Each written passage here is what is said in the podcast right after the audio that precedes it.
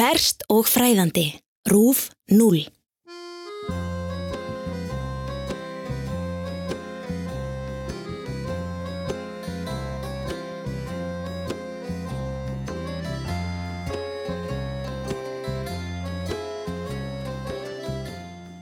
Það er varla nokkur staður hér á þessari jörðu sem er afskektari, einangraðri og einmannalegri en Amundsen Skott rannsóknarstöðin á Suðursköldslandinu. Stöðin var byggð á sjötta áratuginum þegar kaldastríðið stóð sem hæst og bandaríkjastjórn vildi skapa sér fastan sess á Suðurheimskauti. Hún stendur aðeins um 100 metra frá landfræðilega Suðurpólnum. Stöðin er nefnd eftir norðmanninum Róal Amundsen sem fyrstur komst á Suðurpólinn og bretanum ólánsama Robert Falcon Scott sem fyldi á hæla hans mánuði síðar en fórst svo heimleðinni. Hún er um 1600 km frá stærstu rannsóknarstöð Suðurskauðslandsins McMurdo. McMurdo má segja sé lítið þorp þarna á hjara veraldar.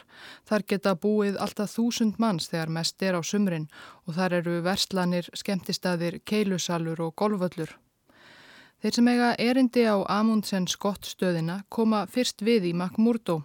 Síðan tekur við laung ferðin yfir ísbreyðuna burt frá Ísinum og Þísinum í McMurdo.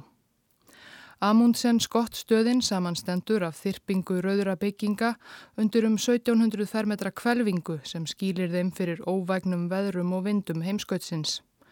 Á sumrin geta búið þar alltaf 250 manns. Það eru aðalega vísindamenn við bandariska háskóla sem vinnaði rannsóknum í jarð og stjörnufræði og hjálpar hellur þeirra, læknar, kokkar, smiðir og rafvirkjar. Yfir vetrartíman sem hefst í februar og líkur átta mánuðum síðar í oktober fækkar mjög í hópi íbúa á rannsóknarstöðinni.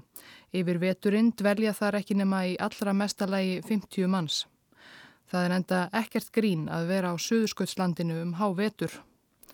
Staðsetning rannsóknarstöðvarinnar, svo gott sem á síðsta punkti jarðarinnar, gerir það verkum að hálft árið á sumrin er þar nær stöðugt dagslljós allan sólarhingin og það þýðir auðvitað líka að á veturna er nær stöðugu nótt, stöðugt myrkur í sex mánuði eða meira.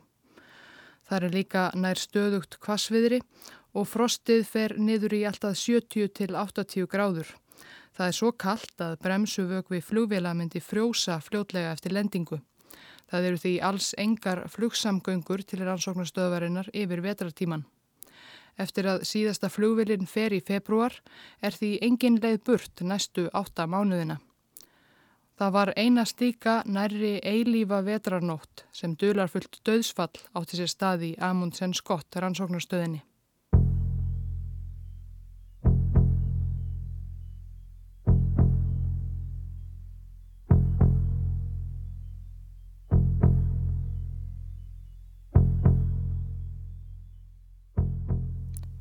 Það er ekki á færi hver sem er að dvelja í átta mánuði í stöðugum fimpul kulda og svarta myrkri í nær algjöri einangrun á hjara veraldar.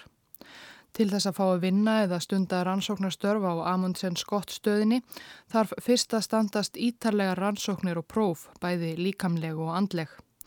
Maður þarf að vera við svo gott sem fullkomlega líkamlega heilsu því það er heldur ekkert grínað veikjast þarna á hjara veraldar og maður þarf að vera bæði félagsfær og einfari í réttum hlutföllum því í átta mánuði er maður í afar nánu sambandi við sama fámennahópin en hins vegar í litlu sem engu sambandi við umheimin utan rannsóknarstöðvarinnar.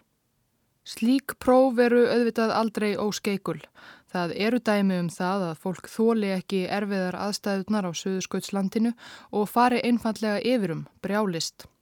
Fyrsta veturinn sem stöðin var starfrækt 1957 fekk einn yðnaðar maður Geðróf skömmu eftir að veturinn skall á. Hann gekk Berses gang svo það var það deyfan og geima í einangrun næstu mánuðina þar til hægt var að flytja hann burt í heima tilbúnum einangrun að klefa bólstruðum með rúmdínum.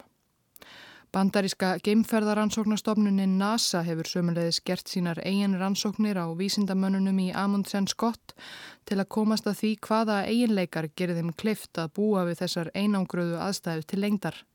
Því þeir gætu jú allt eins verið á tunglinu eða á Mars.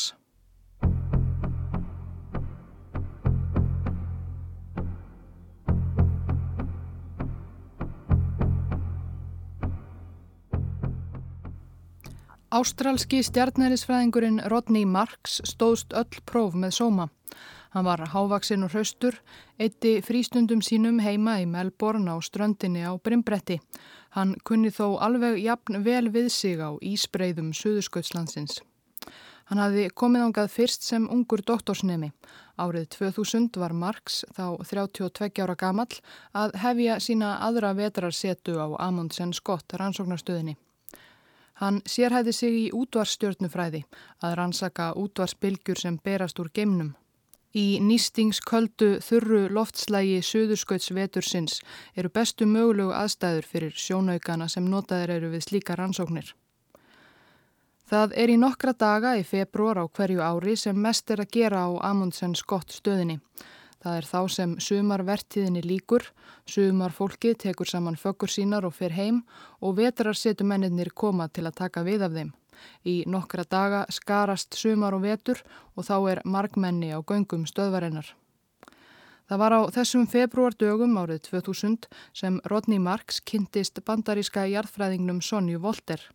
Hún var þá leið heim eftir að hafa eitt sumrinu og pólnum og hann að koma. En þau Rodney og Sonja urðu fljótt svo hrifin hvort af öðru að Sonja sóttu um að fá að vera áfram á rannsóknarstöðinni yfir veturinn til að geta verið með Rodney. Þegar leið svo veturinn urðu þau óaðskiljanleg Þau voru fjörugt par sem lífguðu upp á annars nokkuð tilbreytingalösa tilveruna á stöðinni. Rodni litaði hárið á sér fjólublátt og Sonja sitt grænt og þau spiliðu bæði í rockljómsett stöðvarinnar, Rodni á gítar og Sonja á bassa. Það var annars lítið við að vera. Íbúar á Amundsen Scott eittu frítíma sínum aðalega í áfengistrykju. Á hverju ári var gífurlegt magn áfengis flutt á stöðina á samt öðrum vistum heilu brettin. Það þurfti mikið af bjór, víni og sterkara áfengi til að endast 50 síþyrstum pólförum yfir veturinn. En ef það reyndist ekki nóg, þá voru þeir líka með allar nöðsynlegar græjur til að brugga eigin landa.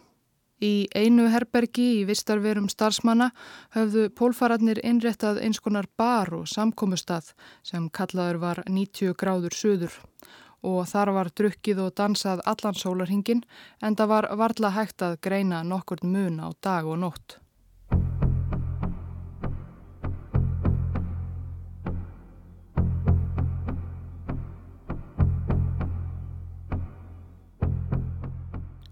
Bandaríski vísindasjóðurinn National Science Foundation rekur rannsóknarstöðina en vísindamennir þar vinna ímisverkefni fyrir bandaríska háskóla og vísindastofnanir. Þennan vetur vann Rodney Marks að rannsóknum fyrir Smithsonian stofnunina í bandaríkunum á gríðarstórum innrauðum stjörnukíki. Á hverjum degi gekk Marks í fimbul kulda og myrkri að stjörnu aðtugunastöðinni um kílometra leið. Það var á leiðinni heim eitt fymtudagskvöld í mæ sem Marx fór fyrst að finna fyrir óþægindum. Hann var eitthvað slappur og svo var hann auðmur í maganum. Hann flýtti sér heim og borðaði kvöldmat í mötuneyti stöðvarinnar með kærustu sinni og kollegum. En Marx leið bara verð og verð. Fljótlega fannst honum hann líka verið að farin að sjá eitthvað óskýrt. Hann ákvaða að fara að snemma í hátinn kvatti vinnufélaga sína í matsalnum og bauð góða nótt. Það var í síðasta sinn sem flestir starfsmenn Amundsen Scott rannsóknarstöðvarinnar sáu Rodney Marks á lífi. Marks lagðist til sveps við hlið Sonju. Þau byggu saman í herbygginu hans. En hann svaf ekki lengi. Klukkan hálf sex næsta morgunin vaknaði hann og ældi blóði. Verkurinn sem hafi byrjað í maganum kvöldið áður hafi nú dreifst út um allan líkamann. Það var brennandi, óbærilegur sásöki. Með herkjum tókst Marks að komast fram úr rúminu. Bara að lifta auglókunum var hræðilega sárt. Hann setti upp sólglerugu til að reyna að hlýfa augunum. Sonja leti hann síðan í gegnum þraunga ganga stöðvarinnar að sjúkrastofinni og ræsti út eina læknin, bandaríkjamannin Robert Thompson. Læknirinn gaf Marks róandi liv og saði honum að kvíla sig. Hann stöylaðist aftur í rúmið og lagðist aftur við hlið kærustu sinnar en honum tókst ekki að festa svefn. Hann lá bara á skalf, logandi hrettur og hlustaði á óljóst brakið í ísbreyðunni undir honum. Svo kúaðist hann aftur, meira blóð. Hann var orðin andstuttur, hjartað sló ákaft og sársökinn dundi á honum í óbærilegum bylgjum. Marks var gripinn ofsarhæðslu og ætti af staða aftur á sjúkrastofuna, áttaviltur og hálf sjónlaus skjögraði hann og rasaði í gegnum dimma gangana. Læknirinn Robert Thompson var forviða. Hann hafði enga hugmyndum hvað gæti verið orsök þessa hryllilegu veikinda. Hann velti fyrir sér öllum möguleikum frá áfengis frákvörfum til ofsakvíða en í fljótu bræði virtist ekkert stemma. Íbúar á Amundsen Scott stöðinni tengjast umheiminum í gegnum gerfinhata síma og internet en báðar tengingarnar detta oft út og liggja niðri í margar klukkustundir á dag. Þar voru báðar úti þennan morgunin. Læknirinn hafði því engan að ráðfæra sig við og Rodney Marks var bara veikari og veikari með hverju mínutunni sem leið. Þar sem hann lág og kvenkaði sér ætli Rodney Marks að við hugsaðum Leonid Rogosov. Hann var læknir í leiðangri sovjerska hersins á Novolasarevskaja rannsóknarstöðina á Suðurskauðslandinu veturinn 1961 þegar hann fekk heftarlega botlangabólgu. Rogosov var eini læknirinn í meira en þúsund kílometra radíus og úti geisaði stöðug stórrýð. Hann hafði því ekki annar að kosta völ en að skera sig sjálfur upp. Hann skar sjálfur úr sér botlangan á heimagerðir í skurstofu með aðstóð ólæknismentaðara kollega sinna, verkfræðings og veðurfræðings sem heldu fyrir hann á speikli svo hann sæi til verka. Þótt undravert megi virðast hefnaðist aðgerðin vel Rókosóf náði sér fljótt en síðan hafa helst engir verið sendir til vetrarsetu á Suðursköldslandinu sem eru enn með botlangan. Eða ætli Rodney Marks hafi heldur hugsað um Jerry Nielsen. Hún hafi verið læknir á Amundsen Scott stöðinni einungis tveimur árum áður, veturinn 1998 og unnið einmitt þarna á sjúkrastofunni þar sem hann lá nú sár kvalinn.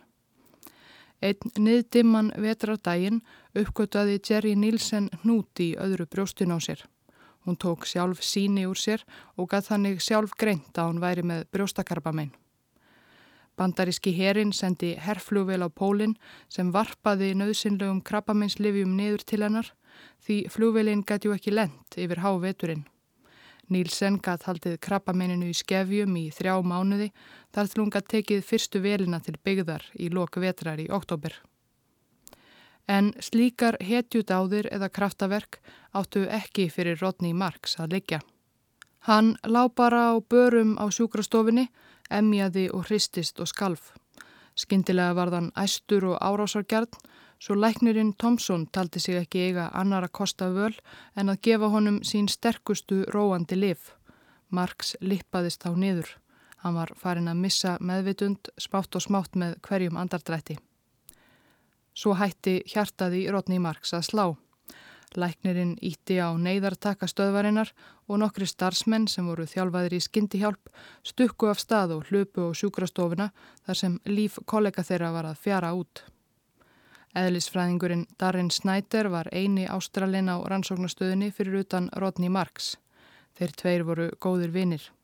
Snyder helt öndunargrímu yfir nefi og munninum á vini sínum og reyndi í örvæntingu að pumpa lofti í lungun á honum. En það bar ekki árangur. Ástralski stjarnælisfræðingurinn Rodney Marks dró sinn síðasta andardrátt á sjúkrastofunni á Amundsen Scott rannsóknastöðinni á Suðursköldslandinu. Það var 12. mæ árið 2000 og hann var 32 ára gamall.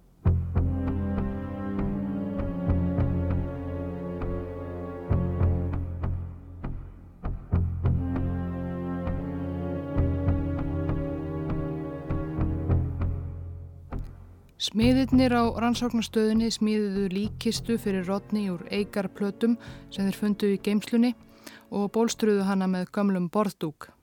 Sonja smíðaði skjöld á kistuna úr hlini sem hún greifti í nafn unnustasins og uppáhald stjórnumerkið hans, sportrekan. Þegar smíðinni lauk var líki Rodnís komið fyrir í kistunni og svo dróðu kollegar hans kistuna á sleða hundrað metrana út í áttinað Suðurpólnum. Þar hafið þau stutta en hátíðlega aðtöfn undir bleksvörtum himninum og letu svo kistuna síga einn og halvan metra niður í ísinn.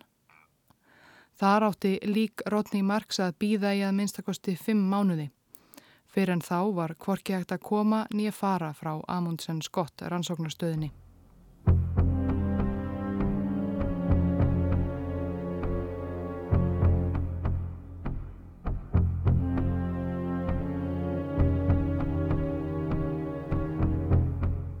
Dagveitni í júni árið 2000 barst Grant Wormald, rannsóknarlaurglumanni í nýsjálensku borginni Christchurch, nokkuð óvennulegt fags. Christchurch er fjölmennasta borgin á söðurauju Nýjasjálands. Þar búa 400.000 manns. Þetta er nokkuð róleg borg, morð og aðrir alvarlegir ofbeldisglæpir eru fátíðir.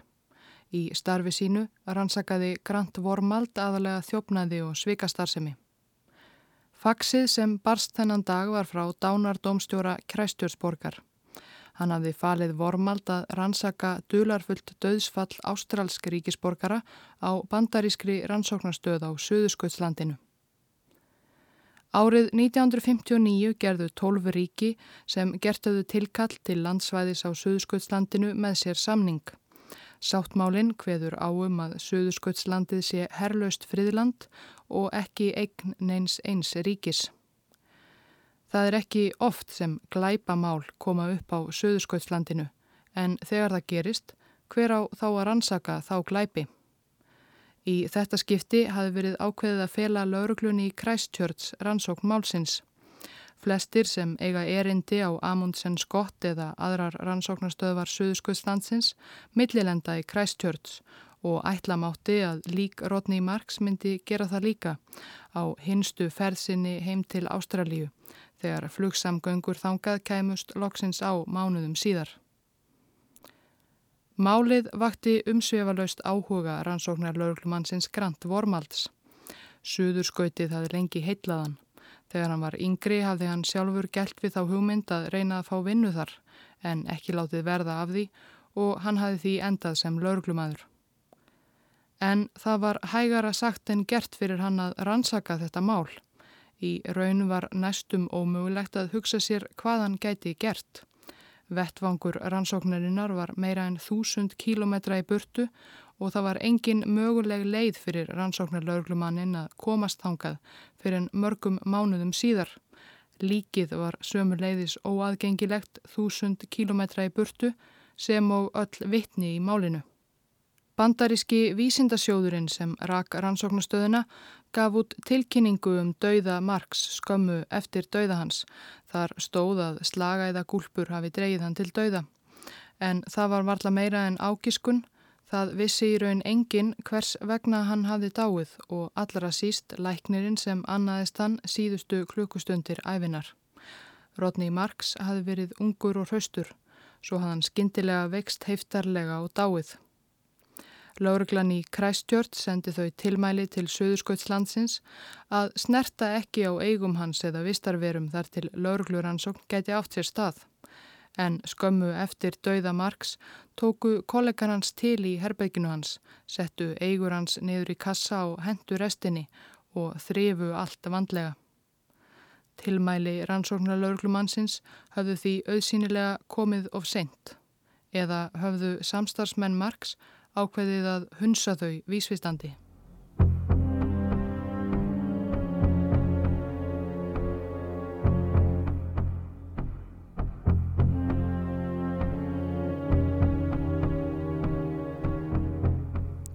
Á miðnætti þann 30. oktober árið 2000 lendi fyrsta flúvelin frá Suðursköldslandinu í Christchurch. Um borð var líkista Rodney Marks. Það voru meira en fimm mánuður liðnir frá dauða hans en heimskauta frostið hafði varðveitt líkið vel. Við krupningu kom því fljótt í ljós hvers vegna Rodney Marks veiktist. Hann hafði fengið metanól eitrun. Metanól eða tréspýri er litarlaus vögvi sem er meðal annars notaður sem frostvari og leysir. Ólíkt frænda sínum etanóli er metanól baneitrað jafnvel í litlu magni. Efnið var notað í ymsum tilgangi á Amundsen Scott rannsóknastöðinni. Rodney Marks notaði metanól til að mynda til að þrýfa linsutnar á sjónaukunum sínum. En til þess þurfti hann bara örfá að drópa hverju sinni Samkvæmt krupningunni hafði Rodney Marks innbyrt metanólmagn sem samsvaraði um það byl einu vinglasi. Roger Thompson, læknirinn sem hafði annast Marks síðustu klukkustundirnar, honum fannst sérstaklega erfitt að heyra niðurstöður krupningarinnar. Hann hafði ekki sérstaklega góðan eða háþróaðan búnað á sjúkrastofu sinni á rannsóknastöðinni en hann átti þó blóðgreiningartæki. Slíkt tæki hefði geta sagt honum að Rodney Marks væri með óæðilegt magn metanóls í blóðinu. En þegar hann veiktist þá var blóðgreiningartækið batteríslaust. Thompson trassaði yfirleitt að hlaða það því það tók svo langan tíma að kveika á því aftur Það tók því ekki, hann notaði það svo sjaldan. En þarna hefði tækið vissulega getað skipt sköpum. Ef hann hefði vitað að metanól eitrun væri ástæðan fyrir veikindum Rodney Marks, hefði hann allavega getað reyndað bjarga lífi hans og hann hefði líklega lifað af. Um borði í fyrstu flúvilinni frá Suðuskautslandinu til Christchurch voru einnig margir kollegar Rodney Marks, hínir vetrastarsmennir á Amundsen Scott. Grant Vormald, rannsóknarlaurglumadur, hafði óskað eftir því fyrirfram að fá að tala við alla samstarfsmenn Marx sem fyrst. En aftur virtist engin áfjáður í að sinna óskum eða tilmælum Grants Vormald. Kollegarnir, 49 talsins, allra þjóðakvikindi, voru ekki fyrrlendir í Christchurch en þeir voru farnir aftur af stað, hornir út í heim og auðvitað án þess að ræða fyrst við laurugluna. Af 49 starfsmönnum náði vormald á endanum bara tali af 13. Voru hinnir bara að flýta sér heim eða voru þeir að forðast laurugluna?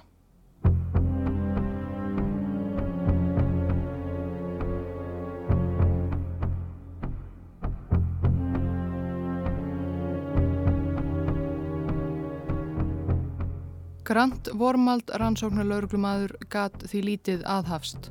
Hann hafði lík en engan vettfangaður ansaka og svo sem næst engin vittni að yfirheyra.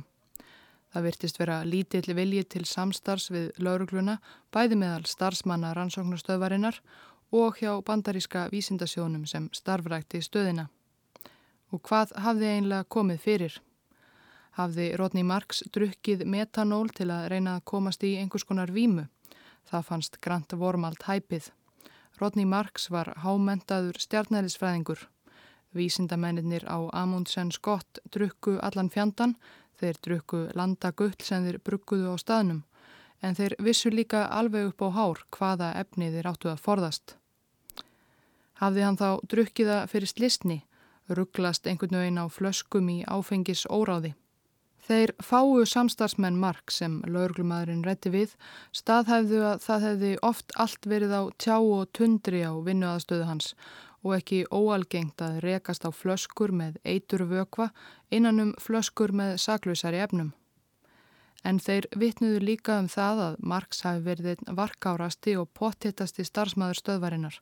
Hann hefði aldrei gert slíkan feil, jafnvel ekki dauða drukkinn hafði hann þá drukkið eitrið vísvitandi til að fremja sjálfsmorð. Það fannst öllum kollegum hans og rannsóknar laurglumanninum en ólíklera. Ekkert benti til annars en að Rodney Marks hefði verið ánæður með lífið og hann hafði sannarlega aldrei kvartað. Hann virtist vera algjörlega á réttri hillu og yfir sig ástfangin af jarðfræðingnum Sonju Volter. Þau höfðu nýlega trúlofað sig þegar Marks lést.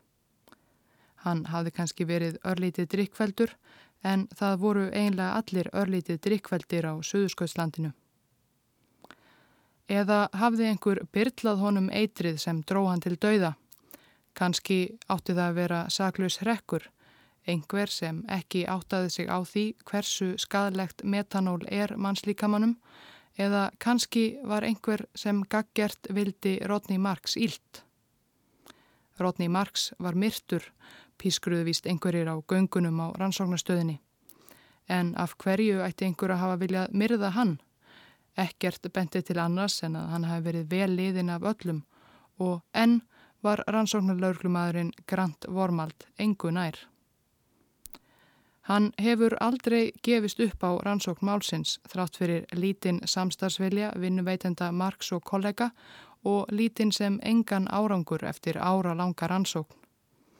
Ein nýleg kenning kom fram þegar einn samstarfsmæður Marx gaf sig loksins fram við vormald og rifjaði þá upp að hafa séð torkennilega glerflösku á skrifstofinni hans. Flaskan var með svartkvítum límiða með mynd af rækju eða álíka kvikindi og áleitrun á einhverju útlensku, kannski portugalsku, saði samstagsmæðurinn.